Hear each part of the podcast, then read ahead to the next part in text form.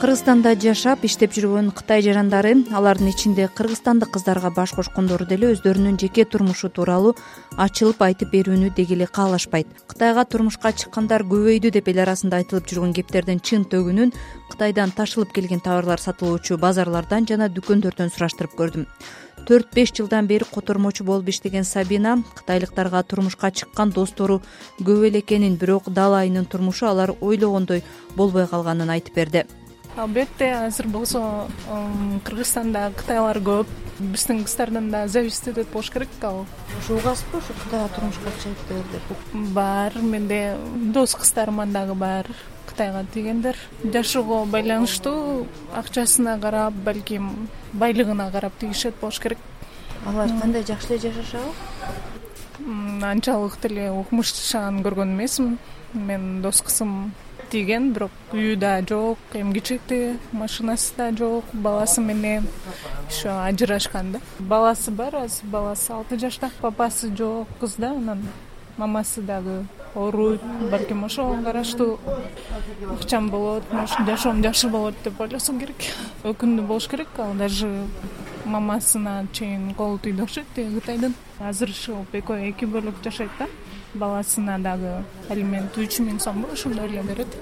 Сабина өзү тогузунчу класстан тартып кытай тилин үйрөнүп жогорку окуу жайды бүтүрүп эки жыл кытайда окуп келгенин айтты. Анын айтымында үй машина бактылуу бакубат жашоо убада кылган кытай жигиттери болгонун бирок жүрөгүнүн тандоосу башка экенин да кошумчалады.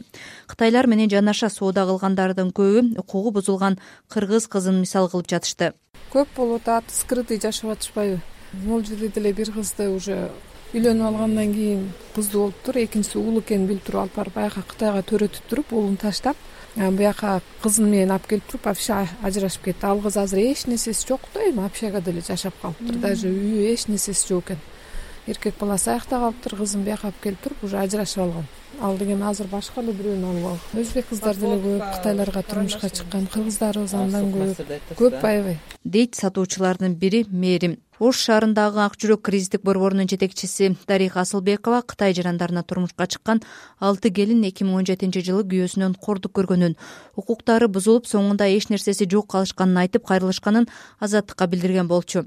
Анын айтымында кытайдан келген айрым эркектер кыргыз жарандыгын алуу максатында гана жергиликтүү кыз келиндерге үйлөнгөн учурлар кезигип жатат.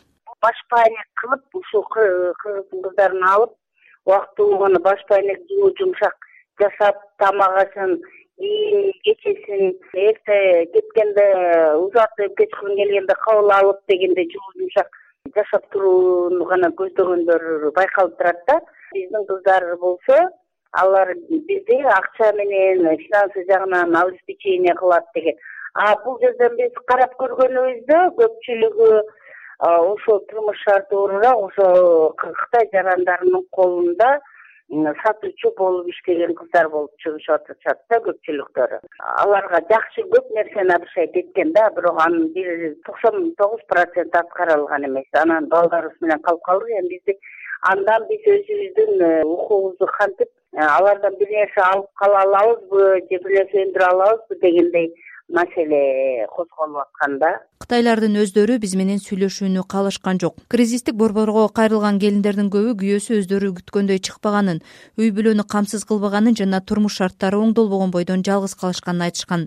Алардын алды беш арты эки жыл чогуу түтүн булатып жашашкан экен. Мен эртең келем деген боюнча же болбосо мен бир жака кеттим деген боюнча чемоданымды салыштырып алып мен бир айдан кийин келем эки айдан кийин келем деген боюнча ошол боюнча жок болуп кеткен да. Загстары булардын колунда жок алып кетип калган.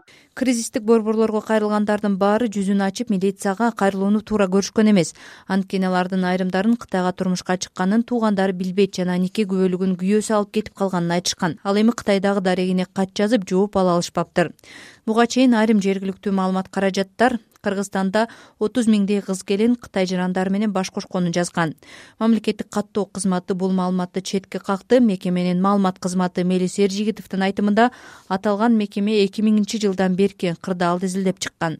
Кытай жарандары менен э, кыргызстанда никеге турган жүз токсон беш э, факт катталды. Ал жүз токсон беш факттын жарымы этникалык кыргыздар болуп чыкты да. Андыктан бул жерде отуз миң деген өтө апыртылган сан болуп жатат миграция кызматынын маалыматына караганда былтыр кыргызстанда иштөө үчүн чет өлкөлүк он төрт миң төрт жүз токсон адамга квота бөлүнгөн.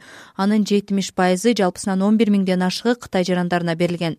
Кыргызстанда иштеп жаткан чет элдиктердин көпчүлүгү кытайлык жарандар. Мына ушул факторлорду дагы кытайлыктарга турмушка чыгуунун бир себеби катары карагандар жок эмес. Укук коргоочулар ар бир жарандын үй бүлө курууда кайсыл улуттун жараны менен түтүн булат ууну тандоо укугу бар экенин белгилешет. Ошол эле учурда өз укуктарынын мамлекет тараптан дагы корголуусу үчүн мыйзамды так аткарууга чакырып келишет. Мисалы мыйзамдуу нике күбөлүгү жок же жарандык никеде жашаган кыргызстандыктардын укугун коргоо кыйынга турарын жогорку кеңештин депутаты айнура алтыбаева да белгилеп жатат. Кытайлык жарандарга чыгабы американын жарандарына чыгабы ал ар бир адамдын да биздин уже баш мыйзамыбызда дагы жазылган өзүнүн эркини анан өзү билет ал жаран эми жалпы э, биздин баш мыйзамыбызда биз ар бир жарандын кыргызстандагы жараны э, ушул өзүнүн укуктарын коргоо үчүн бүт ушул мыйзам мыйзамдар бар баш мыйзамдан баштап.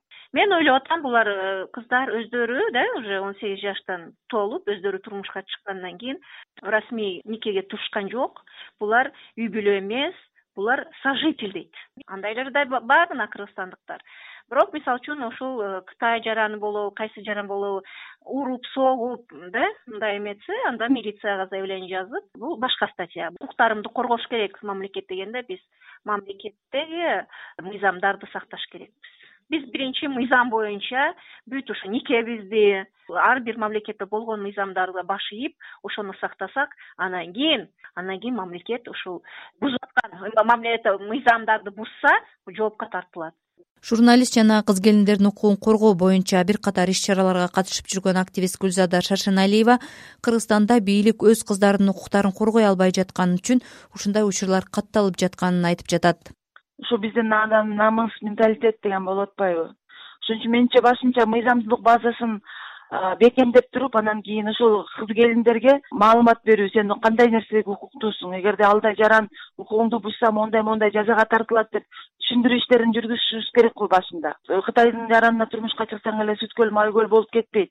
Ушундай нерселер болот деп биз азыр коомдо туура маалымат берүүнү баштасак анан бара бара башаңдайт болуш керек экинчи мыйзамдуулук базасын бекемдесек анан эгерде ошол кыргыз э, кызынын укугун тебелеген жаранды э, мыйзам чегинде жазаласак анан балким ошондо гана ошол нерсе анткени жоопкерчилигин биз азыр көп кытайлар өзүнүн мыйзам алдында мамлекет алдында адам алдында өзүнүн жоопкерчилигин сезбей жатпайбы ошон үчүн келип чыгып атат ушунун баары. Анткени алар билет э, биз айымдарыбыздын биз аялдарыбыздын укугун баары бир коргоп кала албайбыз. Вседозволенность деп коет эмеспи ошондой болуп атат окшойт. Анткени менен чет элдиктерге турмушка чыккандардын баары эле укуктары бузулуп жатат деп айтууга болбойт. Алардын катарында таластык кыз нуржамал үч жылдан бери кытайлык жолдошу менен бактылуу турмуш кечирип жатканын белгилөөдө. Анан үч жылдын ичинде андай коорлук көрсөтүп же бир издеваться этип андай болгон жок көзүмдү карап эле сыйлагандан башкачы мындан бир жаман нерсе көргөн жокмун и дальше ушунча тийгенден кийин калган өмүрүмдү ушу мен жашайын деген жакшы оюм бар аныкы дагы меники дагы бул деген андай жанагындай бай кытайлардан эмес простой карапайым а биздики деген изначально чувстводон жаралган я его люблю и поддерживаю дегендей.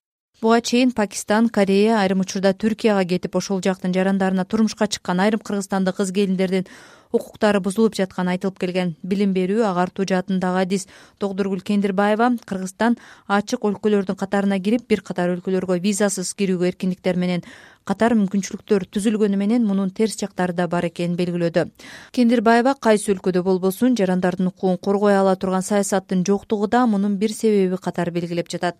Өзүнүн айылынан биринчиден тышка чыгып көрбөгөн тыштын тарбиясын көрбөгөн ошол эмоцияларды ошол тоскоолдуктарды башкарууда кыздардын биринчи компетенттүүлүгүнүн дагы жоктугу. Ошол өлкөнүн билимин мыйзамын абалын. Албетте экинчи чоң маселе бул экономикалык муктаждык болуп эсептелинет. Өндүрүш жок жумуш ордуларын сунуштоодо жок. Анын үстүнө бул аялдардын эмгеги таптакыр бааланбай турган мезгил. Алар эркектердей эле үй бүлөнү багууга чет өлкөгө көбү эң биринчи иретте мындай каражат табууну көксөп кетип аткан мезгил. Кыргызстанды салыштырмалуу кореядагы кытайдагы мындай алдыңкы өнүккөн мүмкүнчүлүктөрүн көрөт дагы анан жашоону жомоктогудай элестетет. Бирок чындыгында бүткүл дүйнөнүн өтө оор талаптары бар закондору бар. Тез эле сен ал өлкөнүн гражданини боло албайсың. Саган ошол гражданини болбогондон кийин сага өзүнүн граждандары сыяктуу эле укуктук коргоо жана мүмкүнчүлүктөр баардыгына бирдей таратылбайт. Кендирбаева кыздарды тез акча табууга эмес билим алууга башка өлкөлөрдүн маданиятын каада салтын жада калса мыйзамдарын окутуп агартуу иштерин жүргүзүү зарыл деп эсептейт. Эми карап көрсөңүз ошол ушул жерге кара жумуш иштеп келген башка өлкөнүн өкүлдөрү да а деле бечара да ошону анализ кылганга көндүмдөрү жок болуп атпайбы эгерде жогорку мындай эң төмөнкү эмес э, кызмат кылуу жумуш жасоонун бир жогорку даражасында тепкичтеринде турган инсандын мейли кайсы улут болбосун жоопкерчилиги да күчтүү болот. Кимдер келип атат бизде? Жөн эле базарда кара жумушта иштегендер келип атат. Жөн эле жол салып иштегендер келип атат. Соода сатык менен эле пирамиданын эң төмөнкү этегинде кызмат көрсөтүүдө жүргөн чет элдиктер келип жатат. Албетте буларда мындай чектелген жоопкерчилик жашады белгилүү мезгилде анан баса берди эчтеке кармабайт кызыктырбайт. Албетте сүйүү деген э, керек бири бирин сыйлоо урматтоо бирок канчалык деңгээлде ал дагы мыйзам тарабынан анын коопсуздугу кепилдикке алынат. Муну дагы башын айлантпай башын жоготпой аны да биле жүрүүсү сөзсүз зарыл улуттук статистика комитетинин маалыматы боюнча чет жакка турмушка чыккан кыргызстандык кыз келиндердин басымдуу бөлүгү орусиялыктар менен никеге тургандар. Андан кийинки орунда түштүк корея өзбекстан түркия жарандары менен кол кармашкандар турат ал эми мамлекеттик каттоо кызматы эки миң он жетинчи жылы бир миң бир жүз кырк бир кыргызстандык кыз чет өлкөлүк жарандарга турмушка чыкканын кабарлады. Ошол эле кезде бир миң төрт жүзгө жакын кыргызстандык жигит чет элдик кыздарга үйлөнүп кыргызстанда никесин каттаткан. Кыргызстандыктар коңшу мамлекеттерден тартып жапония филиппин иордания сингапур греция марокко мексика хорватия латвия швеция австрия өңдүү элүү төрт мамлекеттин жарандары менен бирге түтүн булатууну чечкен мамлекеттик каттоо кызматынын маалымат катчысы мелис эржигитовдун айтымында жылына эки миңдин тегерегинде мамлекеттер аралык никеге туруу катталат. Сиздер аялзат берүүсүн уктуңуздар. Берүүнү даярдап алып барган канымгүл элкеева